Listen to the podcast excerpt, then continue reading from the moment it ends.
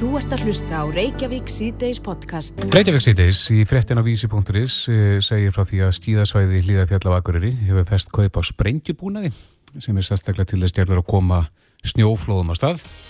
Já, ég viðkynna að þetta hljómar svolítið, já, svona hættulegt, handsprengjur og, og Fallbissur. fallbissur. Já, en eitthvað þarf að gera til þess að, að koma reyfa við snjónum.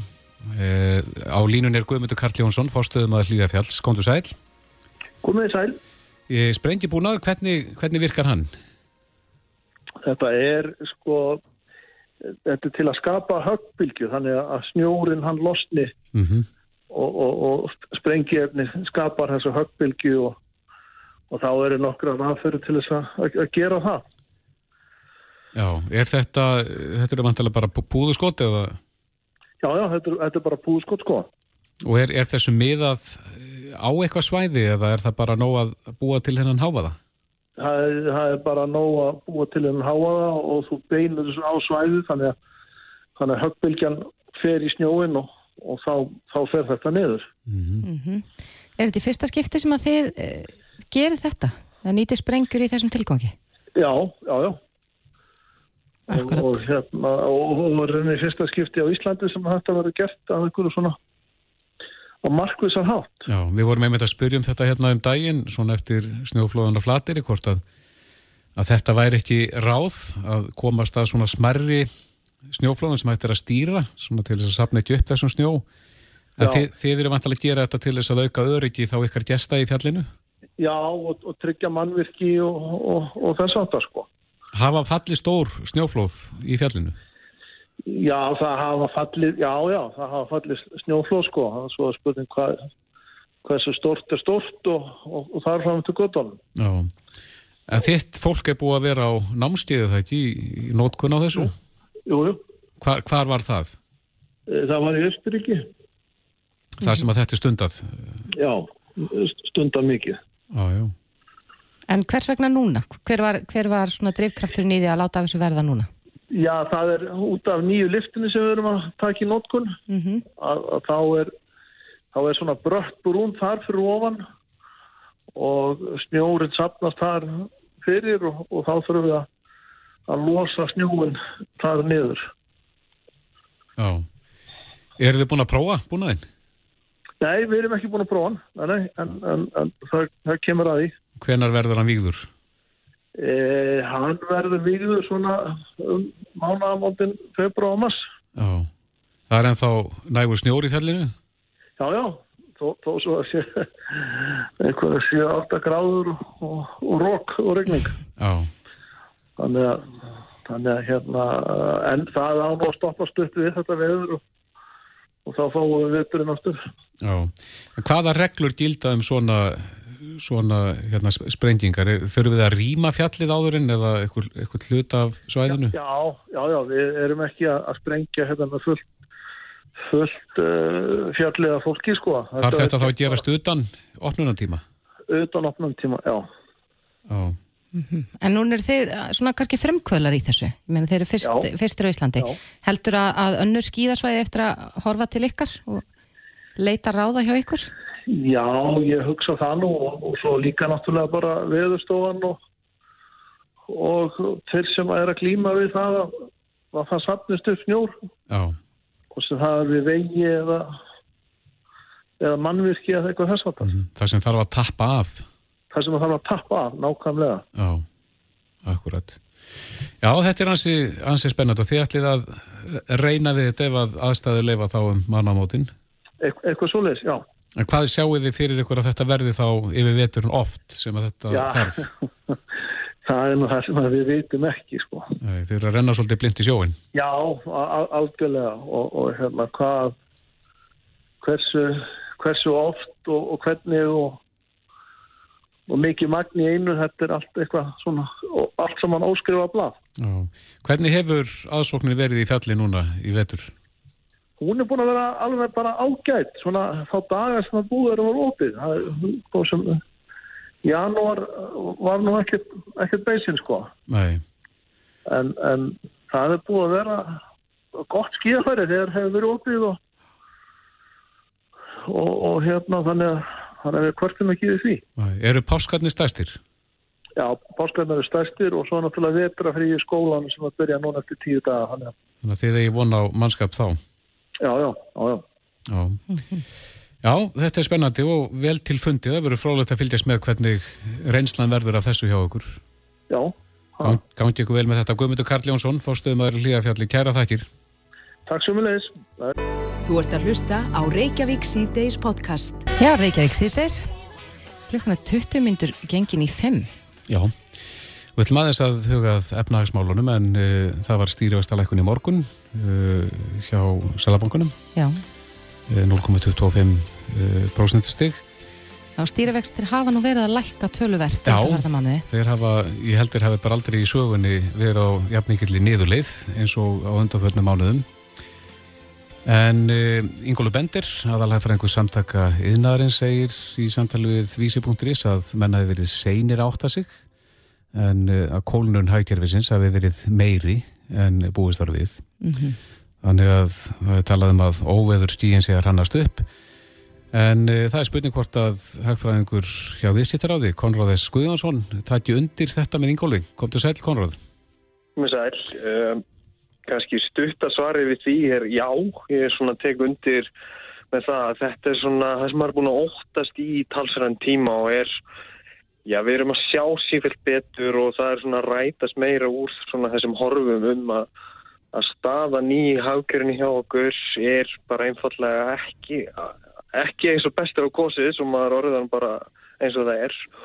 Og þó að þessi vakstákurinn sé sjálfur sér jákvæmt og gott skref og við fögnum henni við þessa aðstæður þá er hún ekki komin til að góðu og maður spyrs við hvort það þurfi ekki hreinlega aðeins meira til með að við hvernig horfinu eru og svona til margsum það þá er Sælabankin að taka niður hafvæstaspá sína fyrir árið í árum helming og það verður spáð meira aðtunleysi, meiri samdrætt í útrenningi þannig að já, þetta lítur ekkert neitt rosalega vel út allavega svona til skamstíma. Nei, þannig að þið hefðu viljað þá hérna, skarpari lækkun á stýrifustunum? Ég held að sé allavega ágættis rauk fyrir því ef við horfum á það sem er svona kallað aðhaldstíð sælabankan sem er raun og veru bara að vaksta stíð við hín á þessa mælikvara á verðbólgu og verðbólguvæntingar og þá hefur það voða lítið breyst frá því núni í haust. Drátt fyrir það að við sem að sjá jafnvel enn svona langvinnari hægagangi hafgerinn heldur en að búist þar við og við erum að sjá uh, minni verðbólgu þannig að já, ég myndi ætla að það væri sögurum til þess en það verður líka að horfa til kannski fleiri þátt á þá horfum við til dæmis á það að eigiförkröfur og bankana hafa hækkar úrslega mikið síðustu árum og er að hækka enn og það er einhvern veginn engin umræða að vitir en nú er átt sér staðum það, já, býtu, er það eitthvað sem er að halda aftur af því að til dæmis uh, þessar vakstarleiknum sem Sælabankin er líka framkvæma að þær hafi tilallu áhrif. Þannig ég held að vera að horfa meira heldur en bara sjálft vakstastíð og peningastöfni í þessu samhengi til að hugsa, ok, hvernig getur við tryggt það að við náum að rétt úr kútnum og náum aðurleysi aftur niður. Mm -hmm. Stýrivægstalækunin er vantilega það svar til þess að örfa þá neyslu og, og koma hjólunum á stað aftur. Uh, er þið það, ef hún er þið skarpar í svo lækun, hvaða áhrif hefði það þá svona til viðbótar?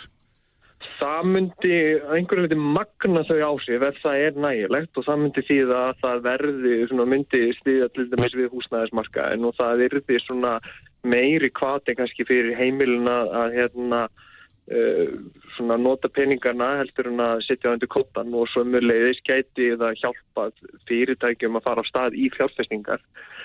Þannig að það því raun og veru bara áhrifin væri meiri og það kemur fyrr. Og það er líka vera að hafa í huga og kannski kemur smá óvart við ákverðin að, að uh, við vitum það að svona áhrif af því sem Sælabanki gerir þau taka tíma að koma fram Mm -hmm. Núna erum við búin að vera að lækka stýrivexti en það virðist ekki að vera nóg og við erum ennþá með þessar svona frekar ekkert rosalega björstu horfur. En ég myndi ætla það að það væri þá sögurum til þess að lækka meira eða þá eins og ég segi, horfa í önnur hagstjórnatæki og hvað annar er það að gera. Hva, hvað væri það þá sem hægt var að gera?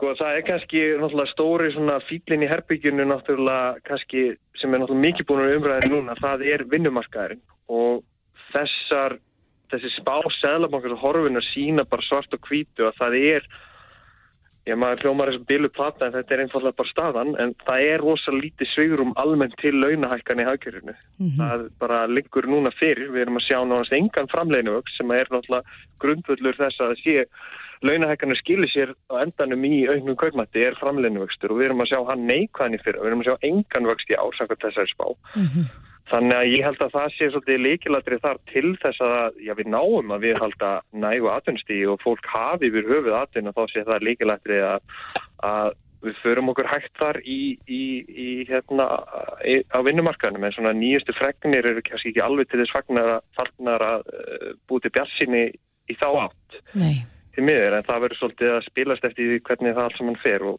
náttúrulega snemt að segja til um það en svona almennt séum að segja það að það er voru lítið sigurum og annað sem að sér byrtast í þessari spá að hlutvall virðisaukan sem fer til uh, í laun á Íslandi þannig er í hæstu hæðum og fer í enn hærri hæðir samkvæmt þessari spá mm -hmm. og maður svona leifir sér að efast um að hafkerið einfallega standi undir því og því miður þá verður eitthvað undan að láta þá tráttur að vilja náttúrulega sjálfsögða að við getum greið sem hægt laun en það er náttúrulega eru eðlumál samkvæmt einhver efri mörg á því. Já, en Konrad segði mér nú, uh, sko, stýrivexti voru lækkaður um 0,25%. Já. Hvaða áhrif hefur þetta á bara íbúan í landinu, bara alla þá sem eru með húsnæðislán eða, eða já, bara á kaupmáttin almennt?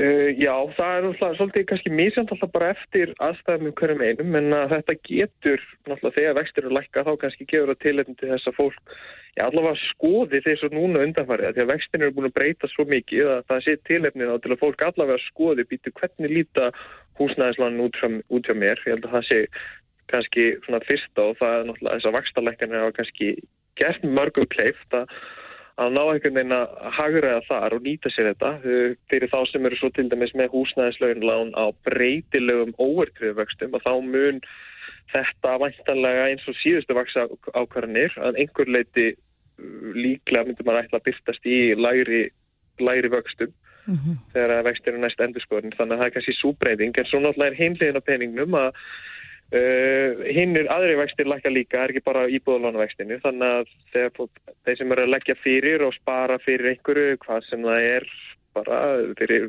fríin í sumar eða til lengri tíma og sérstaklega fólk er inn á bank, með peningin og bankar er bóka þá náttúrulega verður hægar og minni ávöxtun á því sem að já, sama myndir maður ætla þá kannski er ágætt fyrir fólk að velta þið fyrir sér býtum við ekki, það er eitthvað að endur skoða það Hvernig þá, hvað var þá uh, til Já, það er nú kannski bara að skoða hvernig þeir eru búin að vera svona mikla breytingar á vöxtunum þá kannski, kannski misjátt hvernig þetta hitt, hvernig þeir hafa breyst eftir mismöndi fjárfæstingarkostum sko. Mm -hmm. Uh, ég held að það sé kannski svona að, aðal punktur sem kannski fólk þurfa að hafa í huga þegar eru svona breytingar að, að velta þessu það fyrir sér, ég veist, hvað hendir, komið fjármálar á ekki hvað hendar hverjum að einum en, en, en punktunum sá að þetta er svona, svona breytingar gefa tilum til að allavega taka svolítið stöðuna. Ég held að það sé kannski aðalatrið. Já, akkurat. E, næsta ákverðun um, um vexti, e, er það ekki eftir mánuð en það vil? Jú, uh, eða svo, ég held að kannski rúmlega það. Já. Já, það er í næsta mánu. Þannig að, að ef að spáum verður ekki orðið mikið breytt að þá kallið þá vantal eftir hressilegri lækun þá? Já, ég svona, mér fannst líka svona tóttin vera svolítið þannig að það er bara nokk nokkuð líklegt að svo verði en uh, og svona ef staða verður eins og hún er núna þá myndi ég ætla það að vexti myndi lækka en svo aftur má líta það þannig ef við sjáum fram á bjartari tími blóm í haga þá og já, kannski sjáum betur hvernig landi likur á vinnumarkaði og sjáum fram á betri horfur og þá vonandi verður staðan einfallega þannig að það mun ekki þurfa að, að lækka vexti allavega neitt mikið meira og, og við verðum bara með það góðar horfur en, en maður sér það ekki alveg í kostunum og þá er rétta viðbræði að Sælabankin bræðist við og mm. Hjálpi við að örfa haggjari svo lengi sem það reypir verðbólka hjá stað. En þetta eru breytti tímar, það er nú ekki langt síðan að aðunliðin eða annars var að fjarkverist yfir því að hér lækkuðu bara vextir ekki neitt sama hvernig áraði. Já og það er bara alveg rétt, menna við erum í fordamlösu stöðu, ég held að það þurfa að fara alveg aftur sko til ára einhver tíman millistriðs ára eða fyrir til að finna vakstastig sem er í líkingu við það sem gerst á Íslandi í dag. Mm -hmm.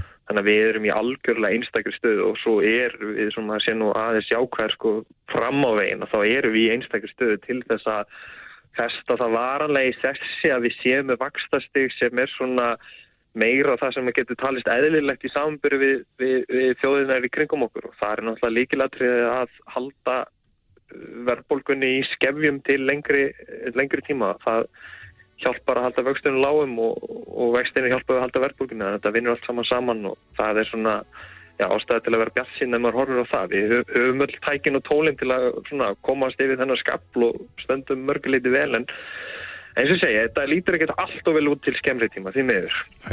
Konráð S. Guðjónsson, hægfræðingur viðskiptaráðs. Kæra þakki fyrir þetta. Takk fyrir.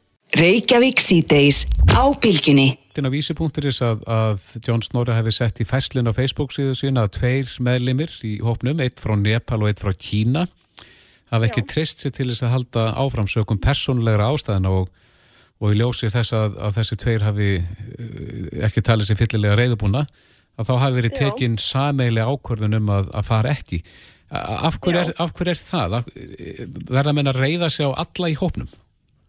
E, þeir eru grunlega að vinna þetta í teimi og þessi Mingma, Mingma G held ég að hérna, e, sé svo umræðir hann hefur svona svolítið verið svona höfuðið eða svona, svona leikt kannski svona klifrið í hóknum Er það Nepalbúin?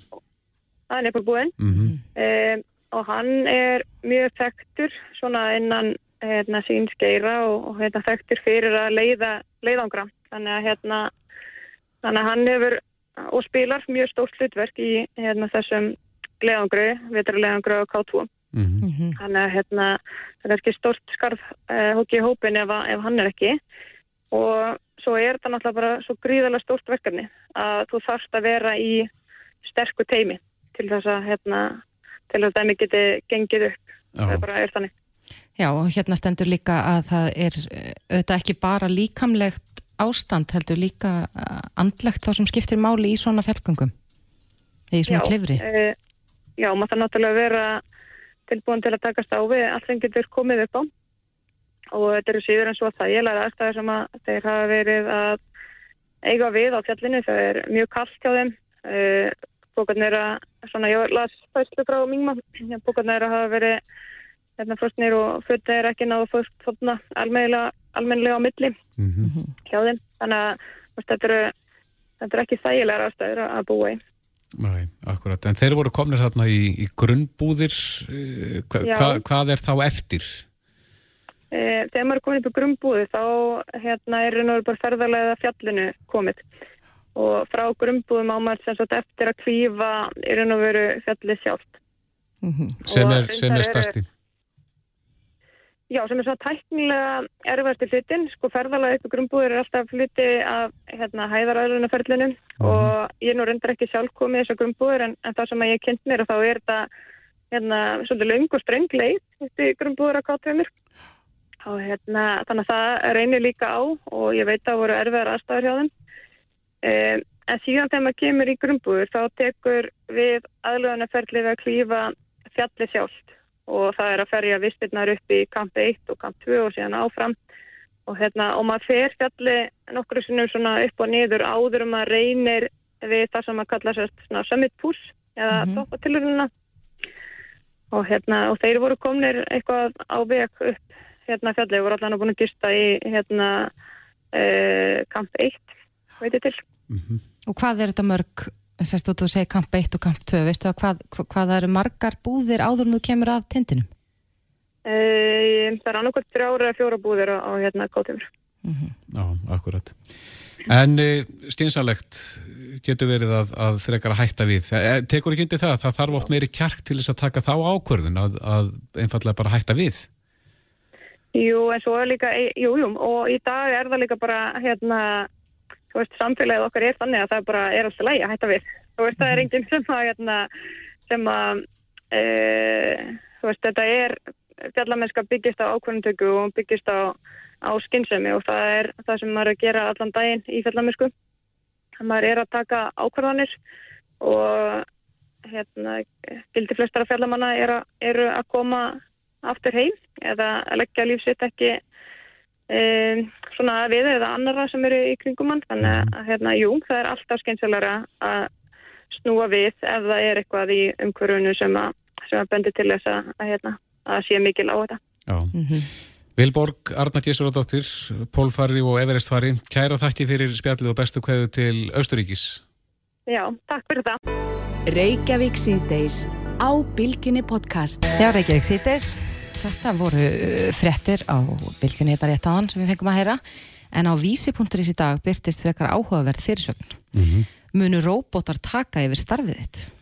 Já, þetta er þessi nýji liðurinn á vísi um atvinnulífið en e, þetta er náttúrulega mögnu spurning og maður er nú reyndar heilt þessa spurningu ansi lengi hvort að robotarnir muni bara taka yfir og við bara liggjum heima með tannar upp í loft á meðan að við erum kannski bara í aftursætun á sjálfkeirandi bílnum okkar Já, og... á okkur borgaralunum en e, hann er komið til okkar e, Bergur Ebbi Benediktsson. E, megu við segja framtíðafræðingur eða? Ég, hérna, ég nota yfirlega ekki þetta orð framtíðafræðingur mér finnst það svo ósangjant að einhver þess að vera fræðing í framtíðinni. Í framtíðinni. framtíðin er okkar allra og það er einhver sérstakka fræðinga til þess að diskutera hana Nei, en, þú, þú- lærðir framtíðagreiningu og nýskupin Já, það passar En uh, hvað segir um þetta? Eru er störf í, í hættu? Já, mér finnst það mjög áhugaverð umfjöldun og, og, og mjög flott að það sé verið að gera þessu skil hérna, í þessum þætti hérna, í atvinnulífunu um, Þetta er svolítið áhugavert líka hvernig við erum að orða þetta Eru róbótar að fara að taka störfin? Hvernig róbótar eru það þá? Hvað við að sjá fyrir okkur? -hmm. Af því að þetta er náttúrulega aldagumul spurning um, Heimurinn er fyrst að innvæðast með fyrstu innbyltingunni fyrir 250 árum síðan þó að svo bylting hafi reyndar ekki ennþá nátt til allra heimsluta en þetta hefst í Breitlandi svona um 1750 og þá byrja fylg, uh, fólk strax að hugsa um þessa hluti og á 19. öld uh, verða til alls konar hugmyndur um, um, um vélmenni og, og róbóta sem taka yfir störf og taka lí- líka svona vega að okkur mannfólkinu, svona humanisma okkar og okkar gildum og þannig eru margar frægar skaldsugur og skaldverk á 19. öld og þannig að fólk er búið að vera að hugsa um þessa hluti ótrúlega lengi Var þetta ekki Bella Símamær eins og fyrsta sem að misti starfið? Já, einmitt, þetta, þetta er bara víða í, í, í okkar sögu, í textum, bókböndum og fleira, hefur fólk verið að hugsa um, um þessa hluti Já. og það er, það gerir það ekkit sko, það gerir það ekkit minna virði að hugsa um þessa hluti núna það er talað um að við stöndum fram fyrir byltingu í dag eins og kannski innbyltingin var fyrir 250 árum. Stundum kallað fjórða innbyltingin en það er mjög mikil innleðing gerfi greindar til dæmis. Þannig að þegar maður hugsa sig svona hvernig líta róbótar út? Af því að við erum kannski með einhverja svona vísindaskáldsagna Frankenstein hugmynd þetta sé svona humanoid uh, svona vélmenni eða einhver svona butler típa eins og í Star Wars eða eitthvað svoleiðis sem gengur um. En róbótanir náttúrulega í dag eru kannski hafa ekkert sérstætt útlitt þeir bara spjalla við okkur til dæmis á, á, á spjallforöldum veita þjónustu tala við okkur genum síma samt í sífælt meira mæli. Munu jafnvel geta að tala íslensku eftir einhvern ákveðin tíma. Og auðvitað mun þetta já, útrýma ákveðnum störfum en ég held að það sé nú betra að hugsta svona frekar að það mun breyta eðli starfa að einhverju leiti Og það hefur auðvitað átt sér stað nú þegar í, í mjög mörgum starfsgreinum. ekki spurning. Og, og sko ég held að það sé svo mikilvægt þegar maður hugsa um svona framtíðina skulum, að því að eðlilega er þetta svona svolítið ókvæmlegt að hugsa að næstu 20 árum er þið svo stór, svo stór hluti kannski okkar starfa orðin horfin eða búin að breytast. En ef við bara horfum aftur til síðustu 20 eða kannski 30-40 ára ég er svona horfið bara svona aðeins á minn líftíma um, þá hefur ótrúlega mikið breyst. Við erum nánast í bændasamfélag vel fram, fram yfir miðja 20 stöld ef við tölum bara og súma aðeins inn á Ísland. Þannig að við hefum nú heldur betur gengið í gennum breytingar og það má, það má segja yðnvæðing eins og við þekkjum hana frá þessum yðnbyltingum sem ég, var að vísa í áðan skellur ekkit á Íslandi fyrir ná 20 stöld þannig að á Íslandi hefur, hefur, er fólk ekkit að vinna sumu störf núna og það vann fyrir 30-40 árum. Jafnvel þó að störfin hafi stundum sama starfstitilinn og fólk fari í sambarlegt nám og fleira þá er þetta ekkit endilega sama starfið. Og ég held að við munum horfa svolítið mikið á að hlutinni verði þannig Já, við getum hort á sjávarútuðin eða landbúnaði, bara mjáltakonan til dæmis. Þetta er allt orðinni róbóta sem er mjólk í dag. Já. En, e, en svona ábyrð bóndans að stjórna sínu búi er, Já. er eftir sem áður svona sömu gildin eru til staðar að störfin breytast. störfin breytast og, en það er spurning hvort það verði einhver, einhver, einhver breyting á gildismati í tengslum við þessar, þessar byltingu núna uh, en líklega verður þetta svona hæg þróun og, og svona, svona svolítið lúmsk þróun sem maður átt að segja alveg á. En þessi, þessi stóra breyting sem hefur orðið til dæmis í íslensku samfélagi og stundum kent við sveit í borg það er bara við förum frá því að vera bændasamfélagi við erum að vera innvægt samfélag sem býr í, í borg.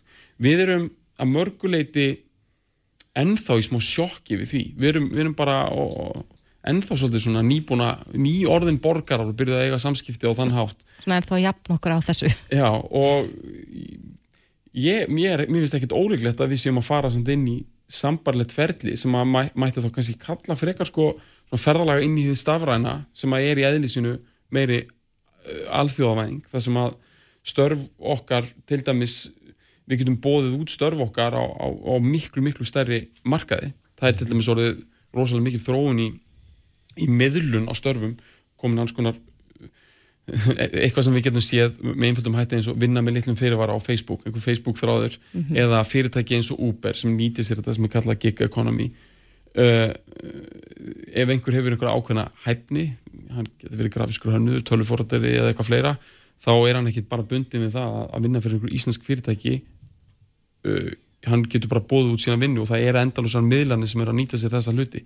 Íslensk tónlistafólk getur sleiðið í, gegn, í útlöndum þess að fara neitt í gegnum íslenska markað fyrst og svo mhm. framins við erum að fara svolítið yfir svona stærri markaði þýleiti, þetta breytir eðli starfa mm -hmm. og ég er svolítið sambarlegt við þessa atvinnu háttabreitingu sem átt sér stað frá því við fórum frá því að vera bændasamfélagi vera að vera borgarsamfélagi ég tekja þetta að fólk hefur rosalega mikið áhuga á þessum málum ég er að hérna, fjalla svolítið um þetta í fyrirlestri sem að ég er með núni í borgarleiku sem er byggður á bókinu minni skjáskot mm -hmm. Að ég tekja þetta fólk vil heyra um framtíðstarfa og fleira og það er ofta það sem svona dregur fólk inn í þessu umfyllunarrefni uh, og ég mikið farið inn í fyrirtæki og talað um þetta. En þetta leiður okkur alltaf að svona stærri spurningum um gildismat og hvernig, hvað okkur finnst um breytingarnar og þessa tækni. Út af því að ég tekja eftir því og ég aðbeli í umfylluninni sem er búin að vera á vísi í dag um umbreytingu á störfum þetta er náttúrulega mjög góð og, og öflug umfyllun hún er samt ótrúlega mikið á forsöndum tækninar mm -hmm. og við fjöllum rosalega mikið um framtíðina á forsendum tækninar þannig höfum við gert hlutina uh, allavega í einhverju áratví að því að eitthvað er hægt þá munum við mjög líklega gera það en þá kemur alltaf spurningin um hvað við viljum og, og hérna uh, semst að ég er búin að vera að vísa í svona innbildingar fyrri alda og áratöga uh, á 20. stöldlumis þá voru komnar stórkoslar hugmyndur um það hvernig þetta í rauninni breyta samfélaginu með tækni uh, alls konar rugglaðar hugmyndur um erðabætingar og fleira sem að mannfólki gerði ákveðinu leiti ákveðu uppgjör við á 20. stöld og því meður með gríðarlega gríðarlegum styrjöldum og, átökum mm -hmm. og ég er ekki að spá því að það verði eitthvað stríðum og hluti eða hvernig en, en auðvitað munið þessar breytingar hafi för mig sér að ímsum efnislegum gæðum og fleira í samfélaginu verður kannski miskipt og og það komu hugmyndur um jafnbretti og, og fleira og auðvitað þurfum við fyrstur en sem samfélag að taka út þann þroska ótt okkur á hvað við viljum gera við þessa tækni. Mm -hmm. Er eitthvað hérna, eitthvað starfstíð sem að þú sér fyrir að, að sé svona barmið þess að, að detta út? Margin efna sjálfkýrandi bíla, hér verði leigubílar bara mm -hmm. ökumast lausir? Vissulega, sko, er alltaf að taka það svona út, sko, ákveðna en, það er nú kannski frekar að maður horfi ákveðna þætti það, það sem er hérna, tekið út í þessum skýslun sem er, er búið að vera er búið að vera hérna, gefa út um þessi mál. Meðan annars skýsla sem er ríkistönding gaf út er það að vera að benda á það að endur teknikasum störf uh, sem, sem krefja samt hugarafls. Þau eru líklegust þess að þetta út. Fyrrið innbyltinga voru meira að taka út þessi störf sem krefast mjög steks vöðvafls mm -hmm. sem þýðir það að það er búið að síja ótrúlega mikið út af þeim störfum. Og þeir sem eru á annar borð að nota vöðvafl í störnum sínum í dag til dæmis eins og ímsir svona eðvíþjálfar, þróskaþjálfar, nuttarar og, og svona fólk sem vinnur með, með líkamannum það er mjög líkvægt að það muni gera það áfram að því að það er búið að fara fram síjun á vöðuöflinu mm -hmm. hins er ekki búin að fara fram síjun á störfum með hugaröflinu og þá er það sérstaklega þetta endur tekna nótkun á hugaröfli sem þau að freka notað.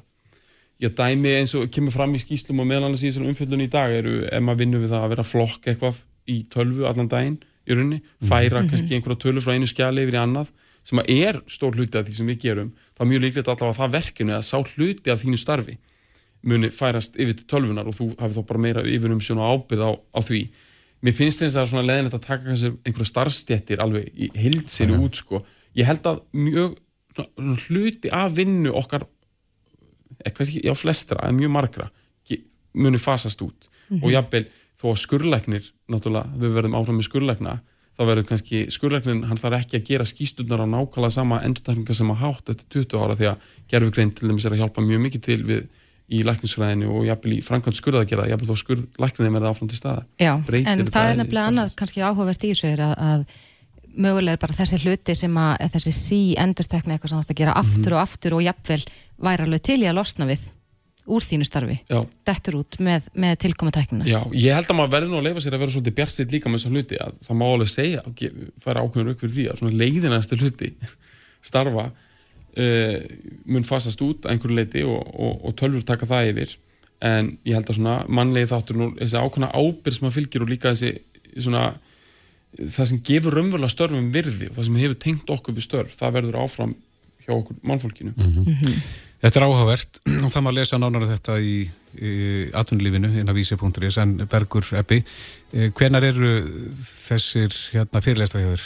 ég held áfram núna í borgarleikusunum með hennar fyrirlestur skjáskót núna í februar, það eru tvær síningar núna og, og, og svo heldur þetta vantanlega eitthvað áfram Já, frábært, kæra þætti fyrir komuna. Reykjavík síðdeis á bylgjunni. Já, reynda var frétt í morgun þar sem að uh, var sagt að því að, að stjáltavirkni hefði náttúrulega dreigð úr henni en er þá komið tími til þess að, að fara að setja málið á annað stig.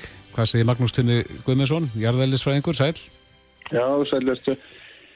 Já, sko, það er nú, eh, það hefur dreigið úr, jarðskjálfum í byli en, en þeir eru varðandi viðbúnaðin að þá eru ekki jarðskjálfum sem eru aðalandriðið. Okay. Það er landriðsið.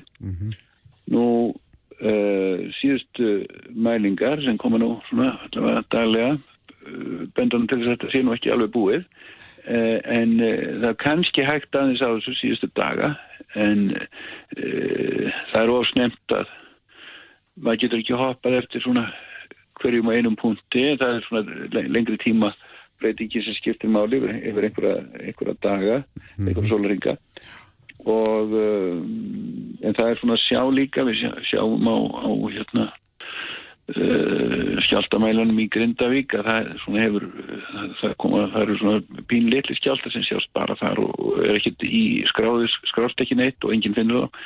Og þeir tengjast landreysinu og þeir eru svona ennþá þarna. Uh, það er kannski ekki, það ekki alveg stöðut en, en niðurstaðan er svo að þetta er ekki, það er ekki að sjá að þetta sé búið en þá. Nei, það er landrisi sem að uh, þá stýri því að mestu leiti er- hefur hægt á landrisinu og er, er land enn að rýsa? Halló? Halló? Nei, eru þá, hann dóttun út, þannig að við þurfum að... Það, það má vera, Já, fyrir ekki. það, það, út, það má vera að, að, að það hafi hægt á því aðeins síðustu daga Eh, en eh, það er best að sjá aðeins, aðeins meira eh, af gognum og en vonandi vonandi er það rétt en það er úr snemt að segja til það. hvað er, hefur landrisi núna mikið á þessum Það tíma? um 5 cm það sem mest er. Já, sem að eru þá sömu tölur það ekki að hafa verið bara núna undanfættan daga? Jú, þetta er bara svona smávaksandi Já, og uh, nei, nei, þetta er, þetta er bara um, verðlið er ekki búið. Nei. vonandi verður það búið fljótlega en, en við verðum bara að býða að sjá. Já, tilkynningin hún kemur verður ekki gefun út í dag allavega. e, þetta er nú eiginlega alltaf þannig að, að, að, að þú veist þetta er vilt ekki á deginu sem þetta gerist heldur veistu það nokkrum dögum síðar þegar þú sást hvenar, hvenar, hvenar hættar ísa Já, akkurat, það er bara svolítið þannig því að, því að við vitum ekki hvað gerst á næsta einmitt. við vitum það hins vegar á morgun. Já. Látum þetta vera loka orðin, eh, Magnús Tumi Guðmusson, Jarð Eðlisvæðingur, kæra þætti fyrir þetta.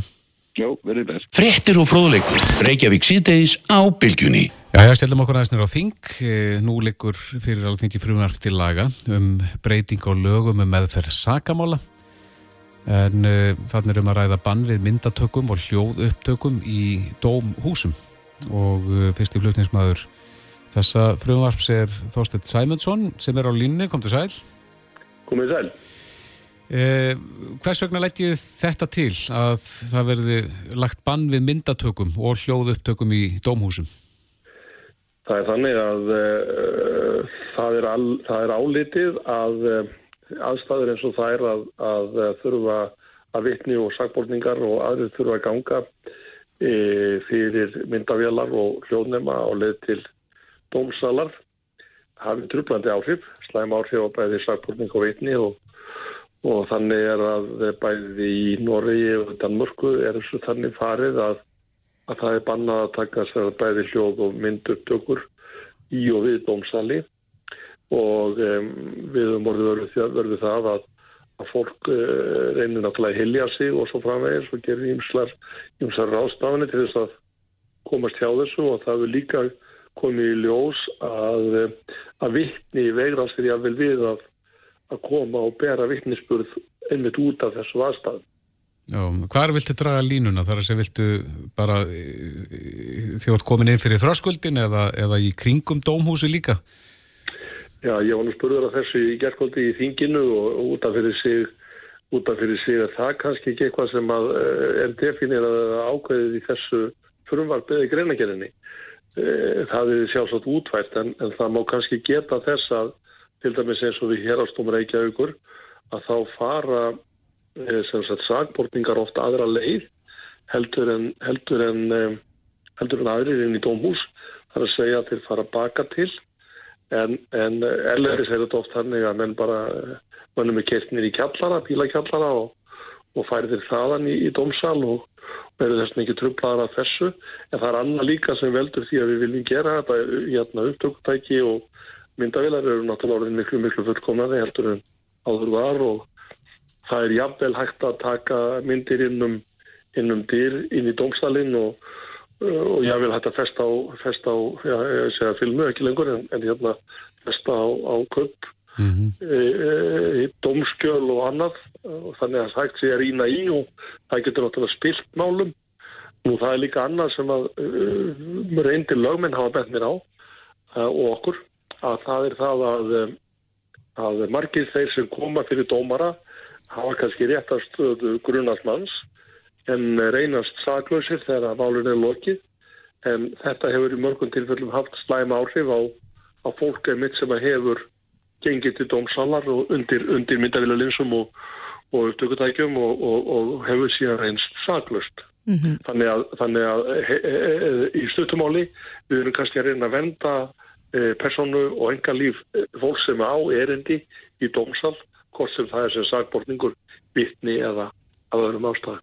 Mm -hmm. En í þessum tilvíkum sem þú ræðir hérna þar sem að fólk er með stöðu sagbortnings og síðar mm -hmm. þá uh, dæmt saklust eða þá að málið fari ekki lengra, þá er það vissulega samt upplýst, þannig að upplýst um það að viðkomandi hafa ekki lengur stöðu sakbortnings.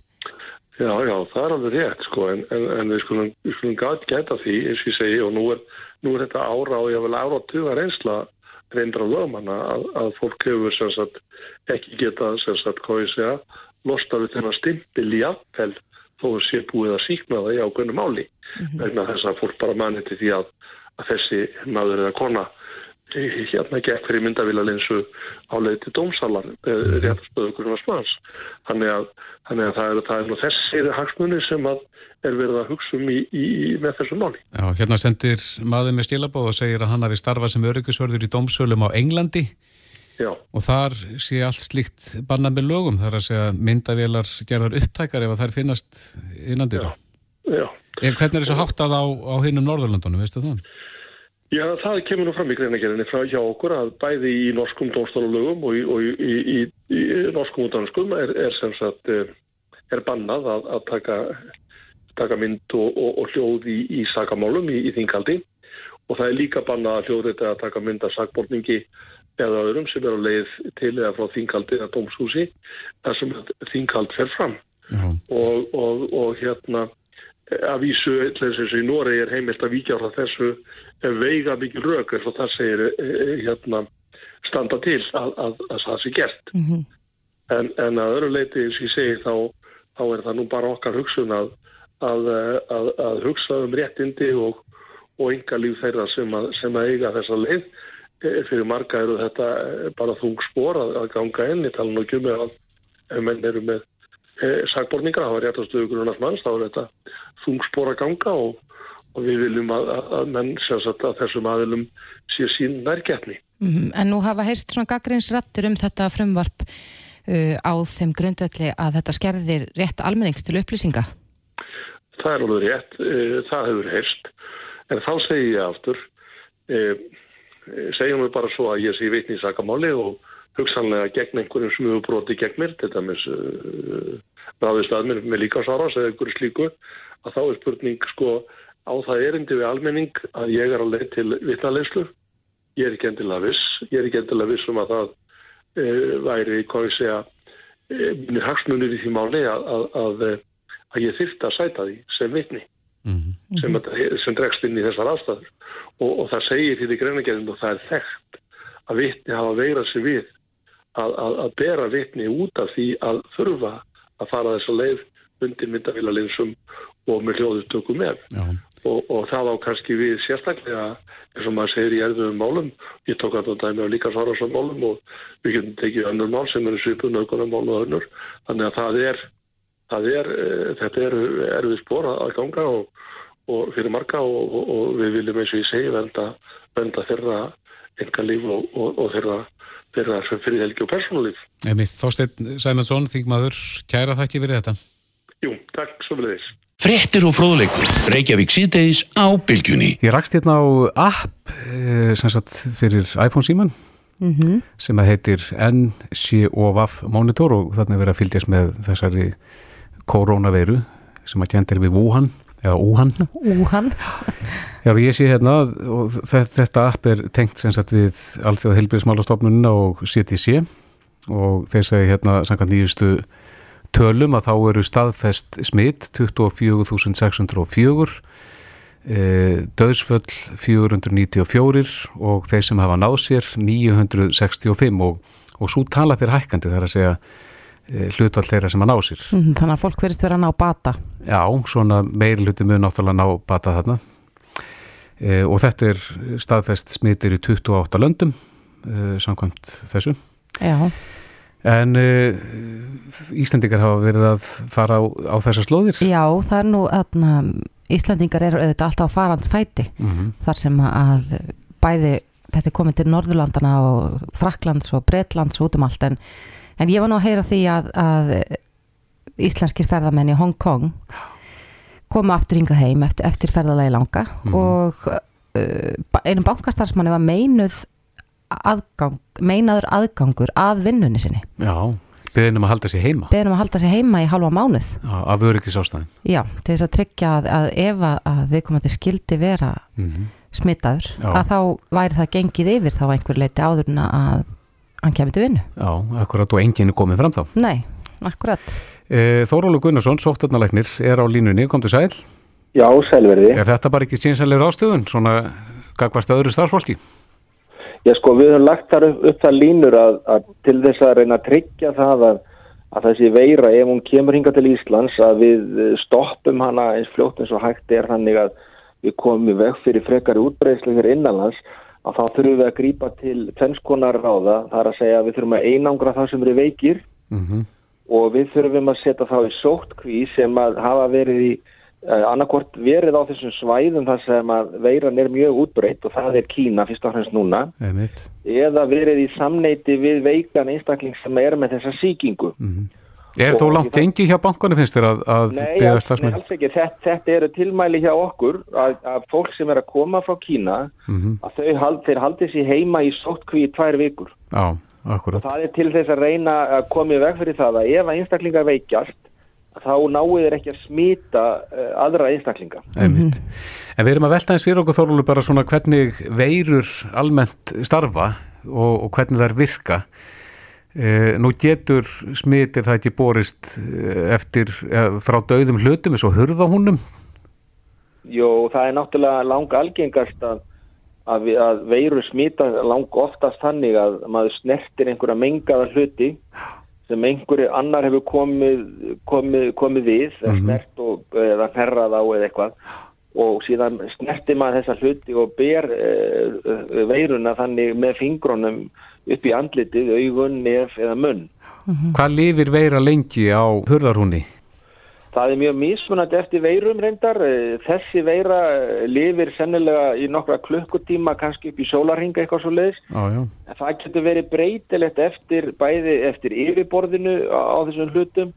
það getur verið breytilegt eftir hitastíi, breytilegt eftir rakastíi, þannig að það er svolítið svona mörk á þessu, en hún lifir ekkit voðalega lengi þessi veira fyrir utan líkamann. En sólarhingur er nú töluveri tími? Já, hann er ekki langur meðan við marga daga eins og sumarveirur geta lifað, sko. Já, er það þannig að sumarveirur þá lifa lengur? Já, aðra veirur geta lifað lengur á yfirborði já, og bakteríu líka reyndar. Akkurat, en Þorvaldur kannski segir okkur út að núna vera að tala mikið um handþvott og handspritt og annað slíkt. Er Já. þetta nægileg vörn, drepur þetta veiruna?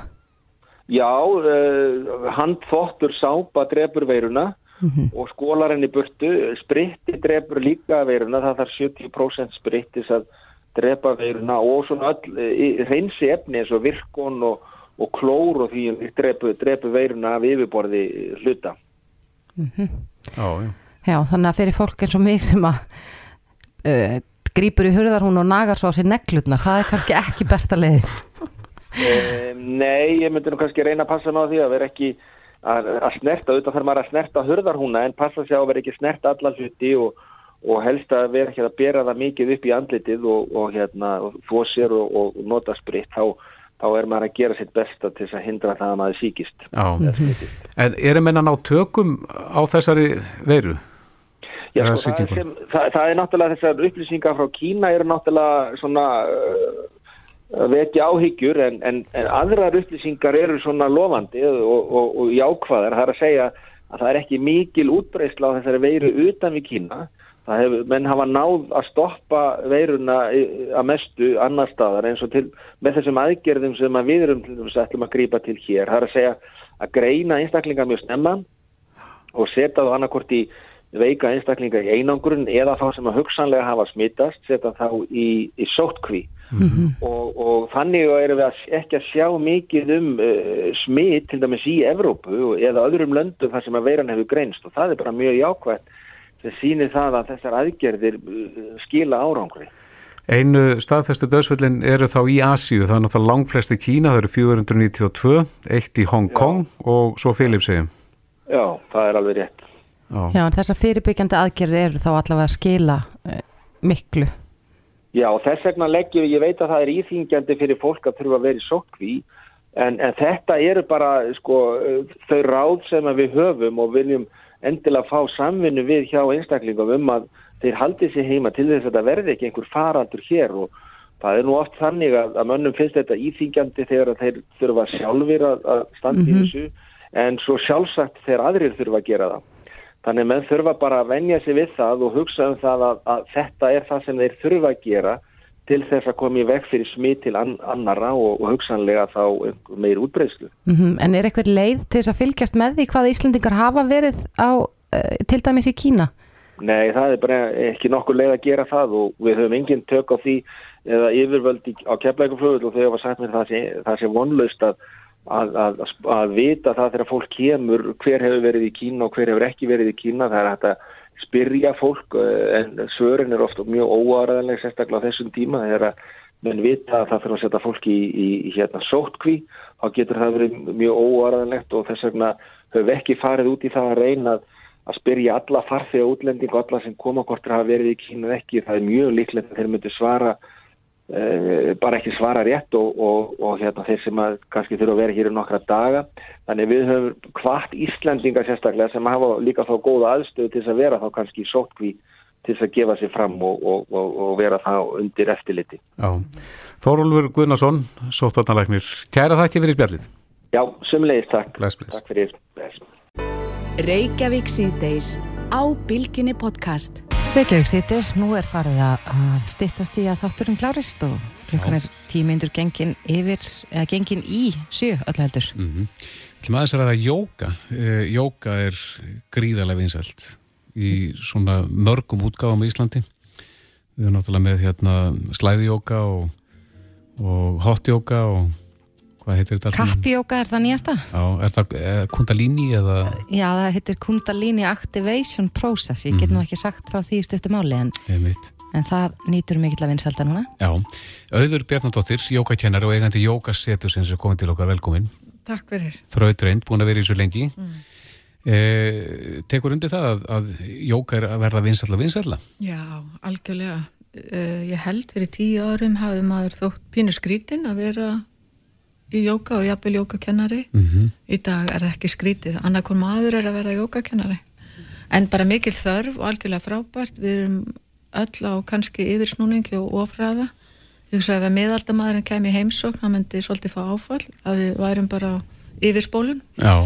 og jóka hjálpar þarna. Að róa öndun, róa hugan til þess að komast í jafnvægi og það er það sem jóka þýðir. Jafnvægi, sammenning að ég geti ekki verið svona tætt og tvistru, ég geti verið svolítið heima í mér. Mm Jóka er ekki bara þá stöður eða hvað? Nei, jóka er náttúrulega eh, fyrsta í raun og veru upprunalega er jóka til þess að læja aldur hugans það er í raun og veru grunnurinn að, og allar stöðunar hjálpa þér að komast í jafnvægi og þá getur þú fundið þess að kyrð í huganum.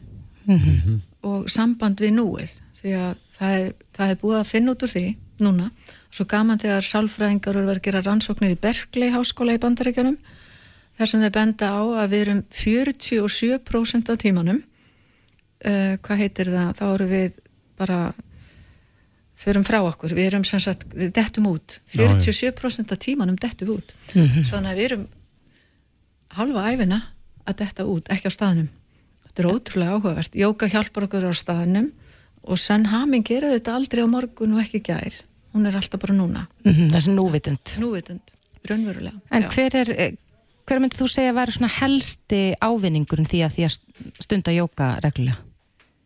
Það er bara að vera heima í sér, eins og ég sagði láðan, bara ég er hjá mér og ég finn mig, málið er að ég er ekki alltaf á þessum yfirsnúning að vera, við erum flest svolítið fram úr okkur í þessum hraða, hvað er næst, hvað er næst og hvað svo og að bara bakka.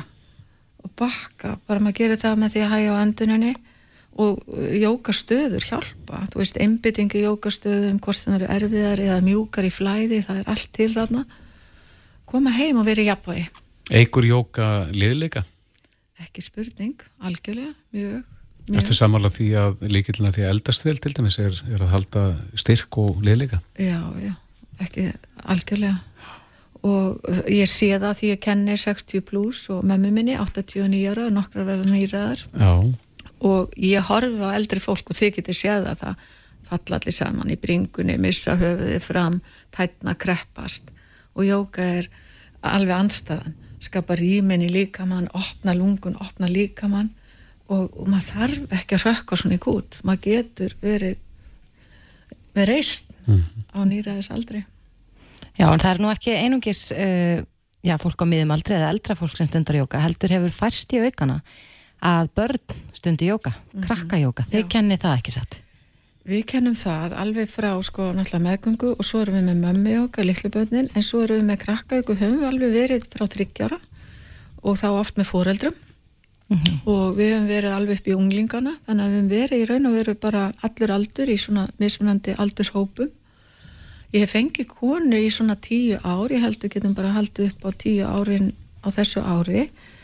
Uh, hún hefur kent svona námskeið fyrir jókakennara en líka kennara og leikskólakennara og ég held að þið þekkið og allir þekki einhvern þar sem börnin eru í jóka í skólanum og leikskólanum og þetta er svo ótrúlega og þá er það í gegnum leikin að leiku sér að vera hundurinn og götturinn og fugglinn og skjaldbakan og, og þau eru rosalega góða líka huglega, þau geta alveg dottið inn í það.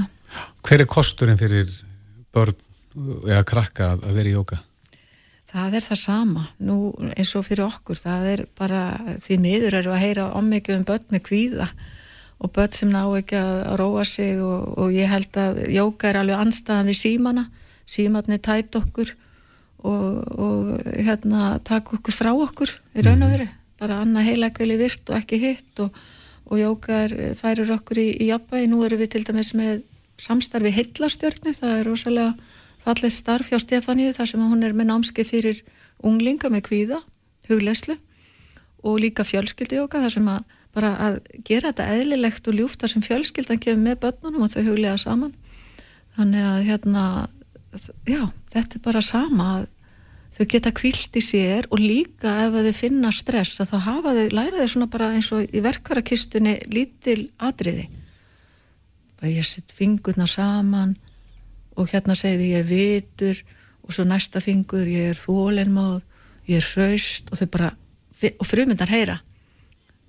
Ég tala fallega því ég held með þumli í litla fingur og þá bara frumundar heyra því að það, það er forrita. Það forrita, já Akkurat, Já. þannig að þú mælir með jóka fyrir, fyrir krakka Ég bara eins og margir, ég held að þetta ætti bara eiginlega að fá að vera í öllum skólum, ég held að þetta sé gott fyrir kennara líka og, og væri bara mjög gaman að ebla þetta bara algjörlega sem eitt af fögunum og hugleislega eins og við heyrum í staðis að setja börn í skammakrókin að þá senda þau inn í hugleislu herbergið Mhm. og það er að viska út um allan heim Mhm. þetta er bara að þróast þangað það er búið að benda nógu mikið á hvað hugleisla gerir, hvort það eru börn eða fullornir, já, Já. og jóka Einmitt, eh, Auður Bjarnadóttir, jókakennar og eigandi jókasetusins, það sem að krakka jóka er meðal annars tjent. Kæra þætti verið komin. Já, takk fyrir mig